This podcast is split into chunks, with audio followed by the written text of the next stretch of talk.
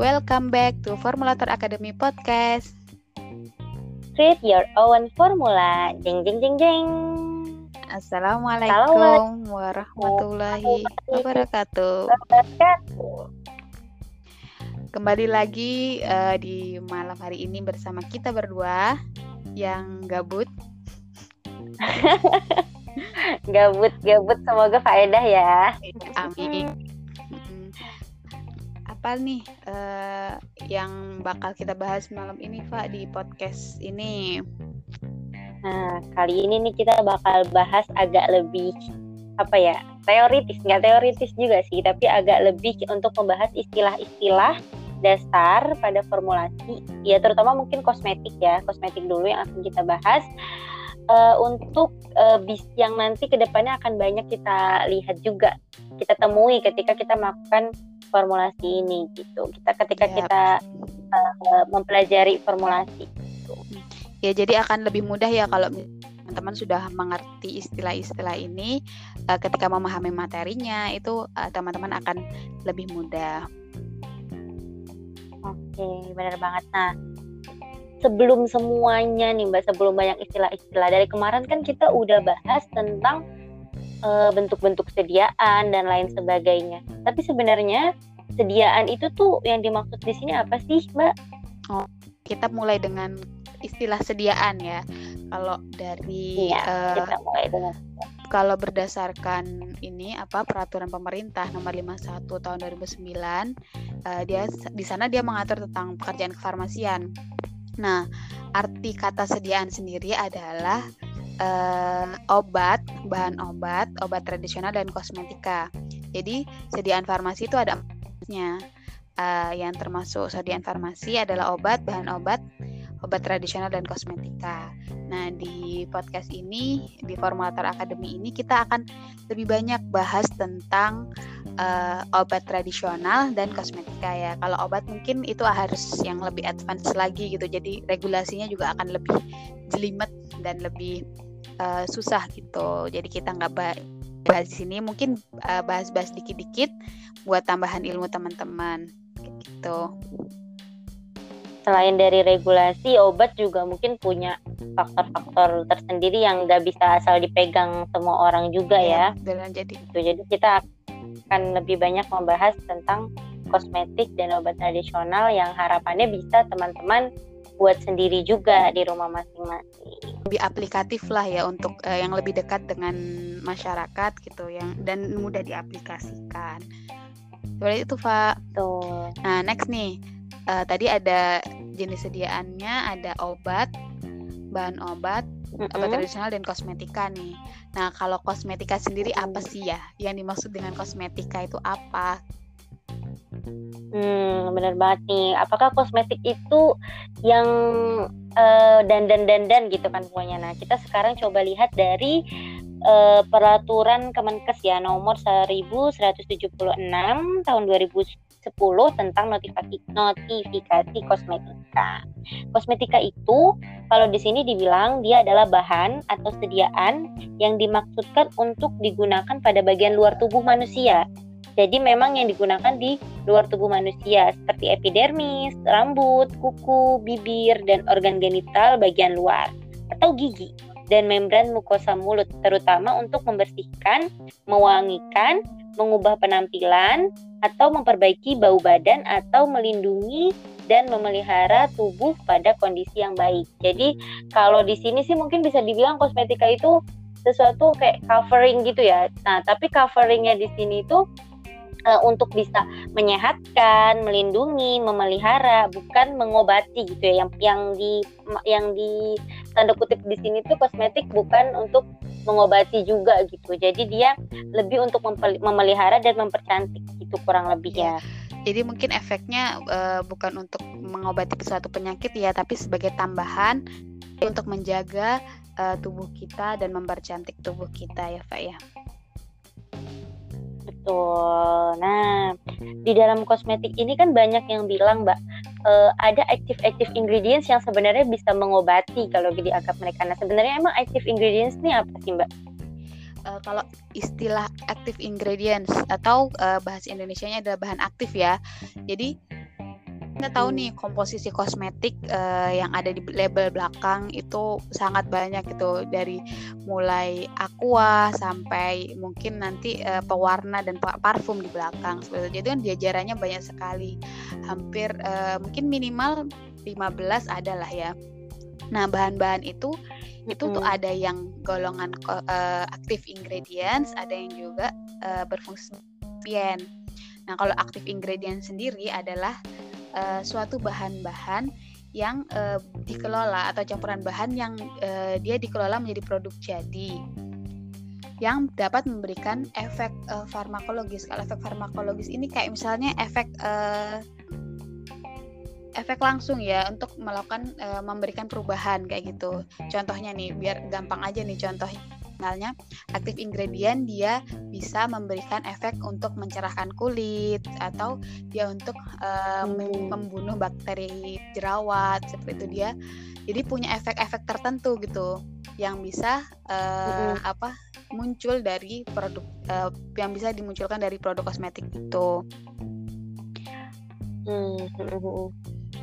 Nah kalau misalnya namanya kalau misalnya suatu produk itu bisa ada lebih dari satu aktif ingredients gitu. Jadi uh, bisa bermacam-macam. Kan misalnya nih dalam produk uh, sebuah produk itu dia punya manfaat membantu untuk mencerahkan kulit memudarkan noda hitam dan mungkin mengurangi kerutan kayak gitu. Nah itu otomatis masing-masing fungsi tadi punya uh, bahan aktif masing-masing kayak gitu pak Betul, betul banget sih. Jadi bahan aktif itu lebih yang memiliki fungsi ya Mbak ya, fungsi dalam suatu sediaan itu sendiri itu. Nah, di sinilah pentingnya kita tahu bahan aktif apa yang kita butuhkan gitu kan ya Mbak mungkin ke depannya gitu. Jadi kita harus uh, semakin banyak mencari tahu gitu kira-kira problem kita tuh apa dan untuk memelihara kulit kita, memelihara diri kita tuh kita butuh bahan aktif apa. Karena bahan aktif itu kan sangat banyak jenisnya Pak ya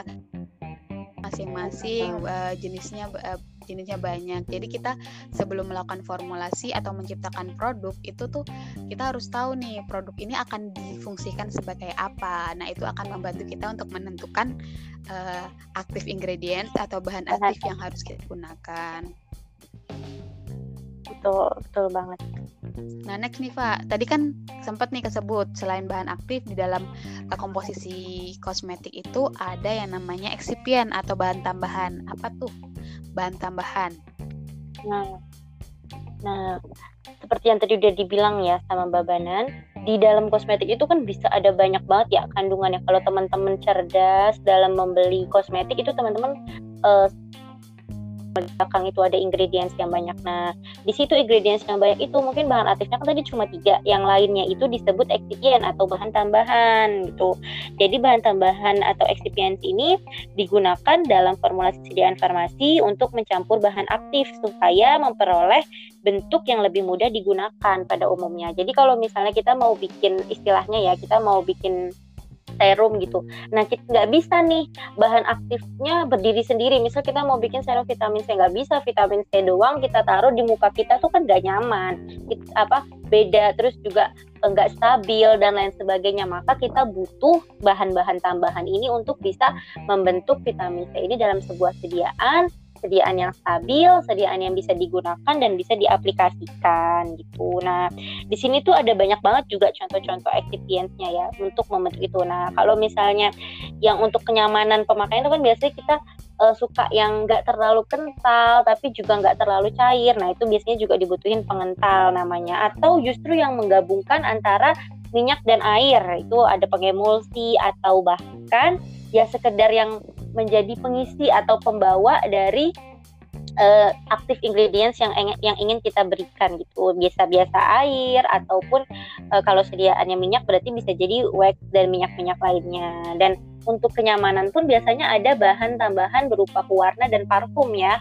Nah di situlah yang suka uh, kita adjust adjust sendiri juga gitu. Kita sukanya pewarna apa dan bahkan nggak pakai pewarna juga masih baik gitu. Pewarna pun juga ada yang organik dan lain sebagainya. Kalau teman-teman memang merasa khawatir atau lain sebagainya. Dan bisa juga parfum kita adjust-adjust sendiri untuk kenyamanan pemakaian kita. Apalagi kan kalau di area muka misal baunya agak tengi-tengi gitu kan agak-agak nyaman. Jadi bisa banget ditambah parfum juga. Hmm, bener banget.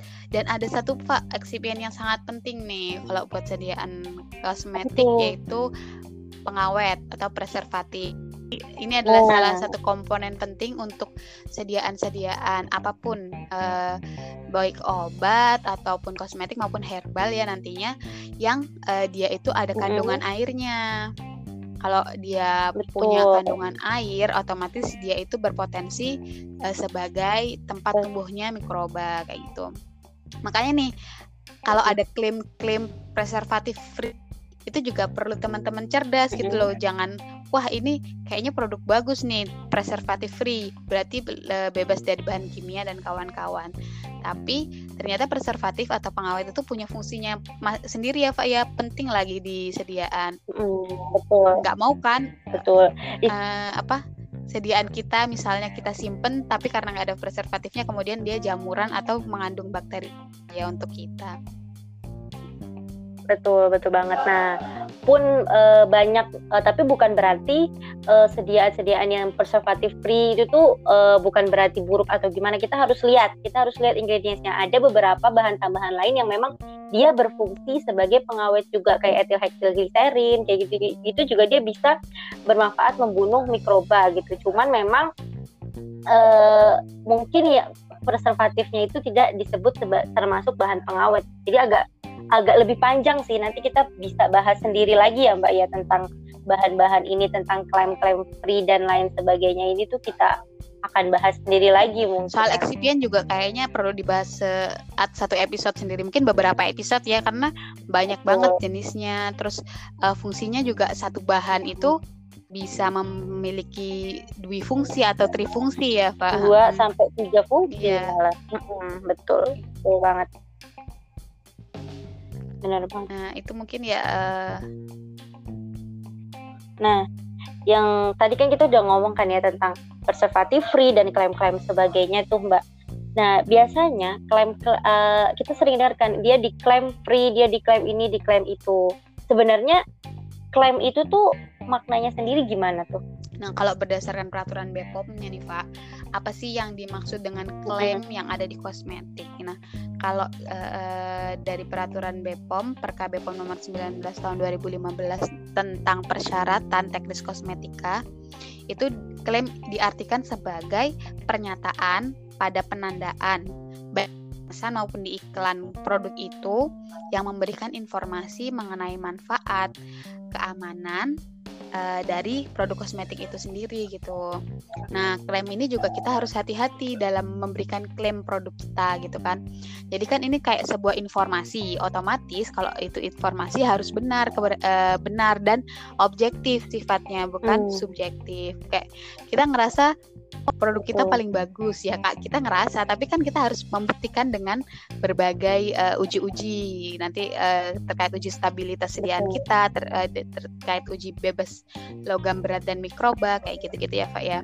Jadi uh, ini Betul. adalah salah satu klaim adalah salah satu hal yang sangat dievaluasi oleh BPOM karena di luar sana itu banyak yang overclaim atau memberikan klaim berlebihan di produk-produknya. Kayak bisa menghilangkan noda jerawat dalam waktu satu hari kayak gitu.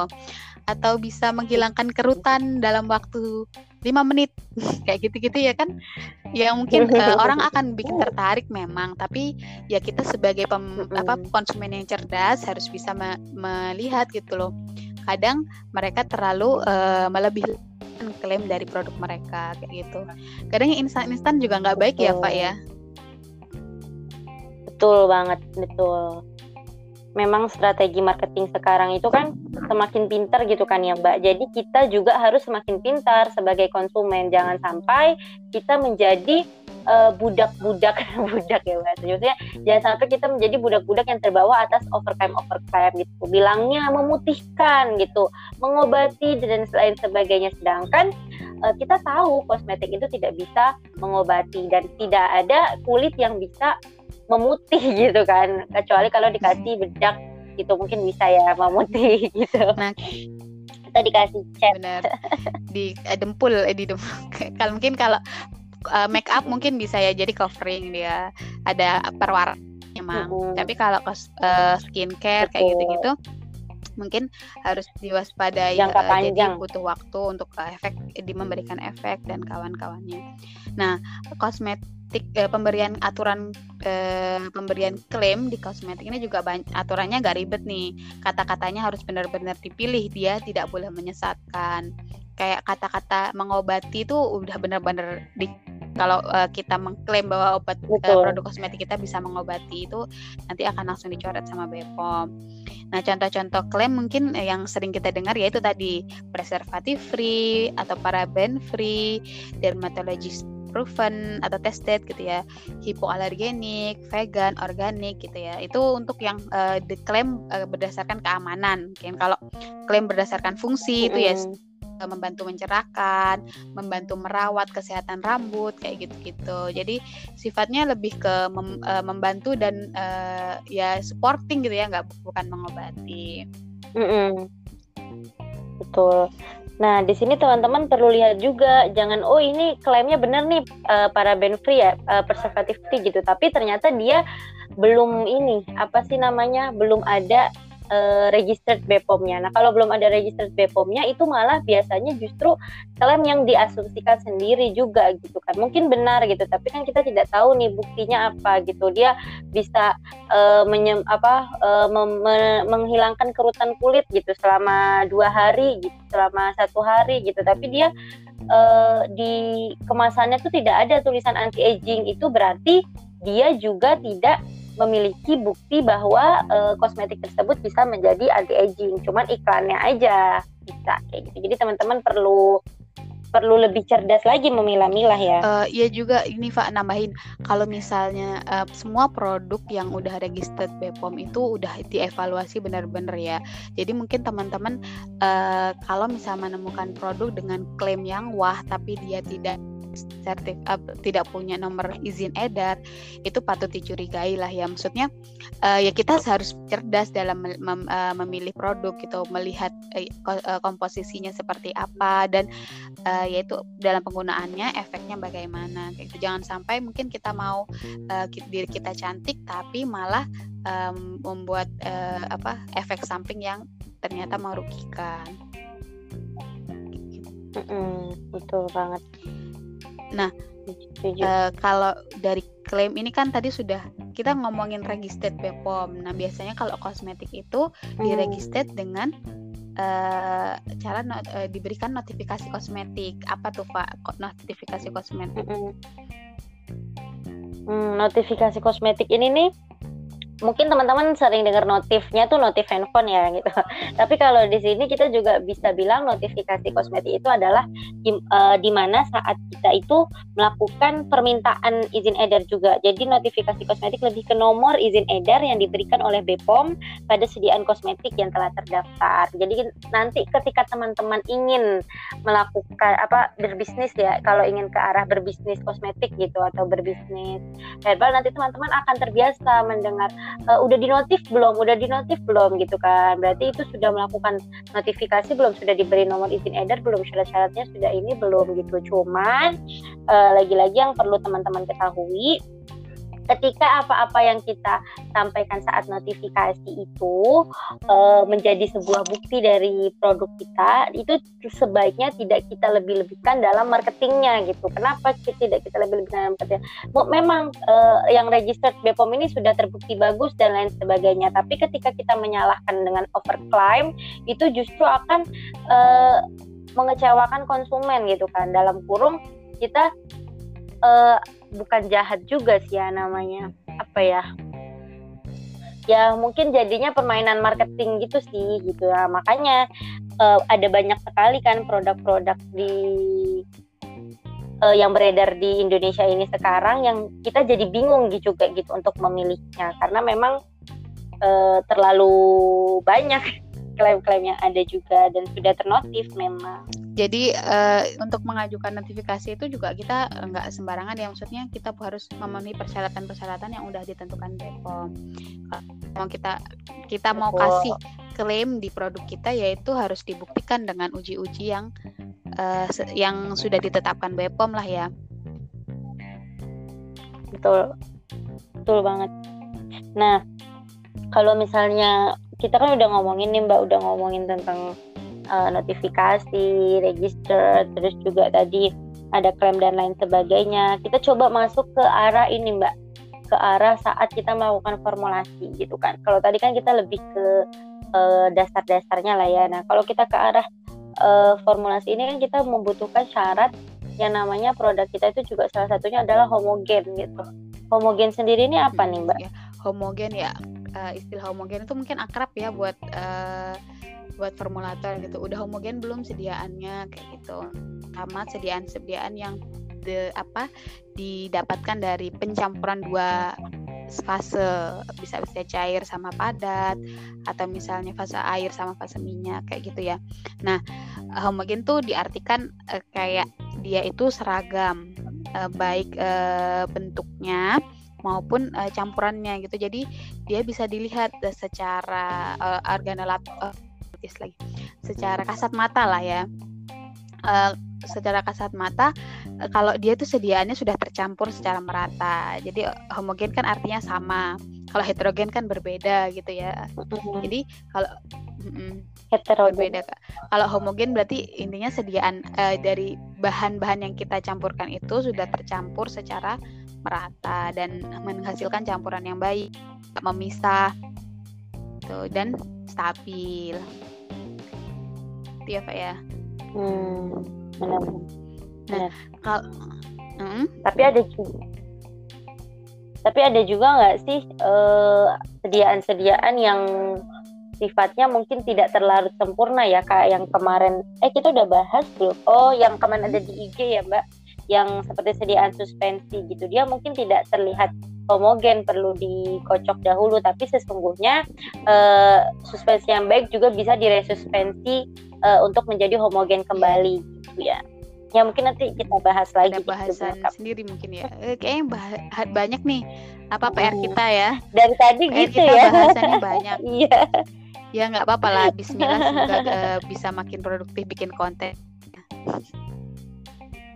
Amin, amin, amin, amin. Next nih, Pak, uh, kalau misalnya di formulasi uh juga nih, kita kan uh, pasti kalau memformulasi cari resep dulu nih, baik di internet, di buku, ataupun di literatur-literatur yang lain. Terus di uh, formula itu ada angka-angkanya nih, bahan A sekian, bahan B sekian. Nah, tapi ada satu bahan yang namanya QS. Nah, apa tuh QS tuh? Hmm.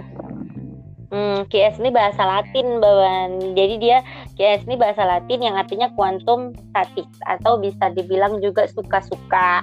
Artinya ya kita bisa menakar secukupnya kita, seinginnya kita gitu. Biasanya ini berlaku pada fragrance atau flavor atau uh, pewarna mungkin ya tapi tetap lagi kita lihat dulu gitu apalagi kalau pewarna ada beberapa pewarna yang memang dilarang untuk Bepom apa dilarang oleh Bepom untuk digunakan karena bisa membahayakan dan ada batas-batas persentase tertentu yang tidak boleh dilarangnya pun dengan fragrance dan parfum itu juga memiliki batasannya juga gitu. Jadi walaupun suka-suka, tapi kita tahu batasannya biasanya nggak lebih dari satu persen atau nggak lebih dari tergantung tergantung dari spesifikasi uh, si perform itu sendiri gitu. Jadi biasanya quantum statis ini berlaku ketika kita uh, memformulasikan sesuatu tapi tidak sesuai dengan persentase angka gitu. Maksudnya kita memberikan hak kepada formulator untuk suka-suka memberi sesuai selera, mau wanginya seperti apa dan ya, ini lebih ke feeling sih ya Pak ya. Jadi mainnya suka-suka.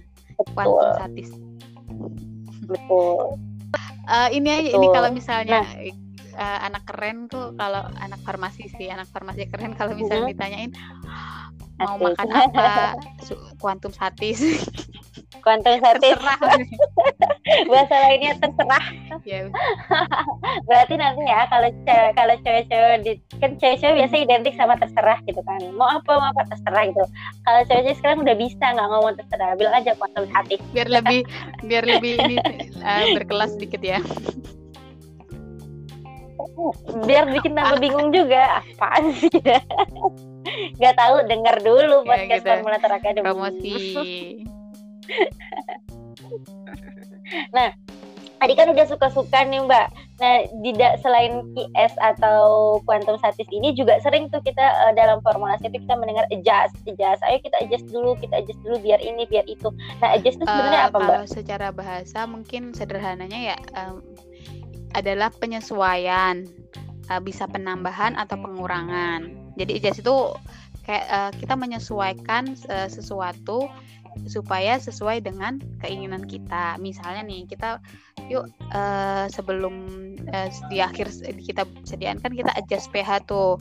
pH yang kita tetapkan misalnya ada uh, pH-nya 6 tapi sediaan kita masih 5,5 gitu. Otomatis kita harus adjust pH dengan menambahkan senyawa-senyawa yang sifatnya basah kayak gitu. Jadi dia disesuaikan adjust. Uh, apalagi ya yang biasanya hmm, kalau warna juga bisa di adjust, parfum juga bisa di adjust. Jadi penambahan eh, penambahan atau pengurangan uh, supaya dia itu lebih sesuai dengan yang kita inginkan atau kriteria yang sudah kita tetapkan.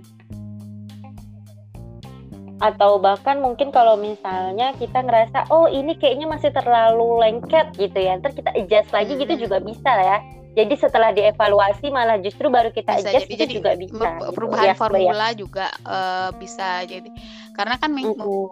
uh, kita nih nemu formula di formula itu sebenarnya banyak ya beredar di buku-buku banyak di internet banyak tapi Betul. pembuatan Betul. ketika pembuatan juga uh, kadang juga nggak sesuai gitu sesuai ekspektasi kita. Kita inginnya lebih kental oh berarti perlu diadjust nih apa kadar pengentalnya. Gitu Mm-mm. atau kita pengennya malah yang lebih uh, cair gitu kan. Berarti kita tambah base-nya gitu kan bisa jadi juga. Terus setelah istilah itu kita disediaan tuh harus memenuhi stabilitas sediaan pak ya kita tadi udah bahas-bahas uh, hmm. stabilitas sediaan nah sebenarnya apa sih stabilitas sediaan itu stabilitas sediaan ini kan uh, yang namanya stabil kan berarti stagnan tetap gitu. Nah, kalau stabilitas pada produksi sediaan farmasi ini biasa didefinisikan sebagai suatu rancang bangun formulasi dalam kemasan spesifik yang ditunjukkan untuk mempertahankan spesifikasi tersebut baik secara fisika, kimia atau mikrobiologi. Maupun secara efek dan toksikologinya gitu. Jadi dia karena namanya stabil, stagnan berarti dia harus selalu tetap gitu. Harus selalu tepat dari pertama kali kita bikin kalau dia uh, viskosnya apa kekentalannya itu berapa berapa ribu gitu misalnya. Nah, sampai uh, lim, apa masa kadaluarsa habis pun dia masih dalam uh, standar uh, visko, apa kekentalan kekentalan begitu. Atau yang tadi seperti kita udah omongin juga dari preservatif kan kadar mikroba. Kalau bahan-bahan yang mengandung air tentu dia bisa menumbuhkan mikroba karena uh, pada saat pertama kali kita bikin dan sampai masa akhir kadaluarsa itu kita jadi tahu kan uh, harus tetap ada mikrobanya dalam kadar aman gitu. Nah di situlah pentingnya uji stabilitas untuk kita tahu juga dia sebenarnya kadaluarsanya berapa lama. Mungkin kalau misalnya kita pakai preservatif yang enggak uh, apa preservatif yang ringan gitu atau kita mem memakai bahan-bahan yang benar-benar alami gitu mungkin akan lebih cepat gitu masa ya, kadaluarsanya. Jadi penting banget untuk melakukan uji stabilitas pada Intinya, sediaan. Uh, dari mulai selesai produksi sampai kemudian nanti didistribusikan, hmm. kemudian disimpan dan digunakan oleh konsumen, itu sediaannya atau produk kosmetiknya tetap ya bentuknya, uh, warnanya, kadar uh, bahan aktif di dalamnya gitu ya Pak ya. Jadi tetap sesuai uh, atau maksudnya ma masih masuk di range yang telah ditentukan kayak gitu betul betul banget nah jadi pun untuk kita setelah kita melakukan uji stabilitas nih, nggak cuman perlu kita melakukan uji stabilitas, tapi kosmetik-kosmetik yang kita buat untuk didistribusikan secara umum itu juga biasanya harus dalam uh, produksi yang sesuai dengan GMP. Nah, biasanya kita sering dengar ini sudah GMP, ini sudah good manufacturing practice gitu. Apa sih sebenarnya GMP itu, Mbak? Uh, GMP itu kepanjangan dari good manufacturing practice ya. Jadi uh, praktis kan praktek gitu ya. Jadi sebuah aplikasi um, suatu sistem yang diaplikasikan untuk uh, di dalam produksi ya untuk kan uh, untuk mendapatkan se uh, sebuah produk yang konsisten dan sesuai standar yang udah ditetapkan kayak gitu. Jadi otomatis uh, sebelum kita melakukan produksi kan kita melakukan perancangan produk dulu nih. Produk ini uh, bentuknya seperti apa, jenis sediaannya seperti apa, bahan-bahannya terdiri dari apa saja. Nah, terus mau jadi mau jadi uh, produk yang kayak gimana? Uh, misalnya nih pH-nya berapa, terus kekentalannya berapa, kayak gitu itu kan ada uh, standarnya yang telah ditentukan. Nah, good manufacturing practice ini sebuah sistem atau prosedur ya yang uh, diaplikasikan di proses produksi supaya memenuhi standar-standar itu. Jadi ini juga banyak sih uh, di GMP ini banyak sekali aspek-aspek yang di dijaga dan harus dipenuhi kayak misalnya mm, kebersihan terus habis itu bagaimana skill dari apa namanya operator dan yang lainnya supaya menghasilkan produk yang diinginkan. Jadi ini sebagai uh, apa ya cara untuk mendapatkan kualitas bahan terbaik gitulah intinya. Jadi good manufacturing practice itu uh, biasanya diterapkan di industri, tapi kalau kita mau formula kita juga harus menerapkan GMP juga ya, Pak ya. GMP sesuai kadarnya maksudnya ya di uh, karena Betul. kita juga ingin produk yang uh, kita hasilkan itu juga baik gitu ya terbebas dari kontaminasi uh, atau Betul. terhindar dari Betul. yaitu uh, apa mikroba dan bahan-bahan berbahaya lainnya seminim-minimnya sanitasi yang kita pakai di tempat kita ingin praktek itu sesuai ya dan atau mungkin APD ya mbak namanya. Alat pelindung diri kayak kita pakai glove atau kita pakai mask gitu kan. Itu saat melakukan formulasi itu juga yang paling minim pun nggak apa-apa. Jadi misal kita mau formulasi di rumah kita pastikan saja kalau misalnya tempat yang kita gunakan untuk formulasi itu bersih gitu minimal dari eh, kuman-kuman gitu kuman-kuman yang tidak terlihat. Jadi bisa dipakein alkohol dulu atau bagaimana gitu. Itu paling minim sekali ya mbak ya untuk standar oh, GMP. Uh, GMP ini ya kayak sebuah praktek untuk um, men, men, apa ya intinya menjaga kita lah menjaga kita menjaga produk kita atau nanti menjaga -hmm. konsumen kita supaya terhindar dari bahaya-bahaya yang disebabkan oleh produk atau kerusakan produk gitu. Nah kalau itu kan oh. istilah uh, asing nih jadi kalau di luar tuh pakainya GMP kalau di Indonesia ini namanya uh, untuk kosmetik ada aturan CPKB. Apa nih Pak aturan CPKB? Hmm. CPKB sebenarnya kan kalau dari singkatannya kan dia kepanjangannya cara pembuatan kosmetika yang baik. Nah, kalau misalnya berdasarkan ke ini Permenkes nomor 1176 tahun 2010 yaitu aspek-aspek semua kegiatan pembuatan kosmetika yang bertujuan untuk menjamin agar produk yang dihasilkan memenuhi syarat dan ditetapkan sesuai tujuan penggunaannya. Nah, di CPKB ini biasanya diberlakukan untuk sertifikasi pabrik atau tempat industri yang ingin memproduksi kosmetika gitu. Buat teman-teman uh, mungkin agak maksudnya tidak semudah kita membuat di rumah gitu ya. Kita kalau membuat di rumah mungkin nggak perlu sampai uh, kita mendaftarkan sertifikasi CPKB dan lain sebagainya gitu. Karena kita gunakan untuk diri sendiri. Jadi kita bertanggung jawab atas diri sendiri gitu kan gitu. Tapi kalau teman-teman memang ingin menjual ingin meregistrasikannya itu biasanya kita membutuhkan uh, industri atau pabrik yang sudah bersertifikasi CPKB yang sudah dilegalkan untuk bisa dinotifikasi kosmetiknya. Jadi teman-teman kalau mau legal mau ini apa sih namanya mendaftarkan kosmetikanya kosmetik nya juga itu butuh persyaratan CPKB sebelumnya. Nah, isunya lagi nih yang terbaru nih tahun 2020 ini ada uh, pembaruan Mbak, pembaharuan tentang sertifikasi CPKB ini. Ada yang namanya SPA yaitu sertifikat pemenuhan aspek CPKB. Jadi dia nggak sampai sertifikasi CPKB yang pabrik dengan uh, alurnya yang mungkin agak rumit gitu, tapi dia memiliki uh, apa sih namanya hal yang lebih ringan gitu. Maksudnya dia kayak di golongan B, di golongan B dia tuh uh, kayak bersyarat cuma sanitasi dan hygiene dan ada juga golongan A-nya yang dengan syarat yang lebih baik itu. Itu di situ golongan A dan B di sini juga perbedaannya lebih ke sediaan yang boleh diproduksi aja sih. Cuman memang mungkin lebih mudah dalam proses regulasi tapi juga butuh ya nggak semudah itu. Jadi gitu. ini uh, eh, CPKB ini harus kita dipahami oleh teman-teman yang punya mimpi mempunyai produk kosmetik sendiri ya atau bikin brand sendiri gitu.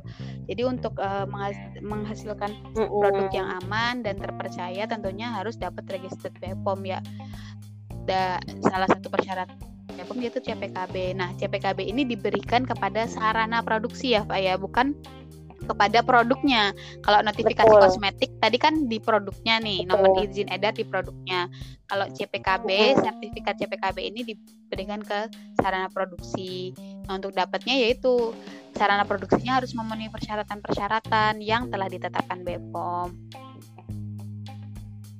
Hmm, dari tata letak, terus dari alat-alat yang dibutuhkan, bahkan sampai ke personalianya pun menjadi persyaratan cukup banyak lah kalau misalnya memang mau ya, dikaji mungkin ada gitu. uh, kalau misalnya ada kesempatan atau teman-teman mungkin akan penasaran gitu kita bisa bahas ya legalitas itu secara komprehensif uh, di waktu yang di waktu sendiri gitu ya. Karena pembahasan legalitas itu juga sangat rumit. Kita uh, kita harus betul betul. PR lagi mbak. PR lagi.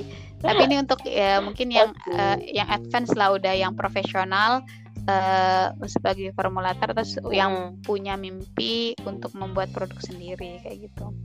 Nah, tapi kalau untuk kita-kita yang baru belajar ya. formulasi nih, kita uh, cukup mempelajari yaitu good manufacturing practice tadi itu aja itu ya minimal lah untuk memberikan keamanan pada diri kita uh, atau orang lain yang menggunakan produk uh, hasil formula kita. Betul setidaknya kalau misalnya kita mau bikin buat keluarga keluarga kita juga yakin gitu. Karena kita memang membuatnya secara GMP gitu, gitu Pak ya. Waduh ini udah berapa menit nih kita bercuap-cuap? Nggak kerasa ya? Lumayan. Lumayan ya ternyata di setengah jam lewat ya gitu, semoga istilah-istilah tadi bisa membantu teman-teman untuk lebih mudah memahami uh, terkait formulasi ya Pak ke depannya kita juga uh, masih akan terus oh. berusaha memberikan konten-konten uh, terkait formulasi yang bisa membantu teman-teman di sini. Kita juga sebenarnya belajar juga ya, Faya masih terus belajar. Uh, nggak berarti kita masih sama, paling sama belajar lah ya. Nah, makanya nih kalau teman-teman punya istilah-istilah yang di uh, mungkin asing atau ingin ditanyakan, bolehlah mampir ke IG kita, DM kita. Kak ini apa sih maksudnya? Atau uh, bisa nggak jelasin tentang ini kayak gitu? Itu kita welcome banget ya Pak ya. Iya, kita senang banget sih kalau ada feedback juga dari kawan-kawan okay. semua. Nah, next episode uh, tadi kan kita lebih fokus ke kosmetik nih. Next episode kayaknya kita perlu bahas lagi tentang eh, istilah-istilah dasar yang di uh, obat tradisional atau obat herbal. Hmm. Herbal. Perlu waktu sendiri. Betul. Ini mungkin akan banyak dan kompleks ya karena kita, karena obat herbal sendiri itu pun jenisnya akan banyak ya. Kita spoil spoil dikit. Jenisnya pun banyak gitu. Dan mungkin nggak semuanya juga bisa kita bikin gitu karena persyaratan-persyaratan dan uji-uji yang dibutuhkan juga banyak okay. gitu. Mungkin iya yes, kita cukupkan kali ya mbak ya? kita ucapkan terima kasih dan maaf. Terima kasih sudah mendengar dan maaf apabila ada salah-salah kata. Assalamualaikum warahmatullahi wabarakatuh. Warahmatullahi wabarakatuh.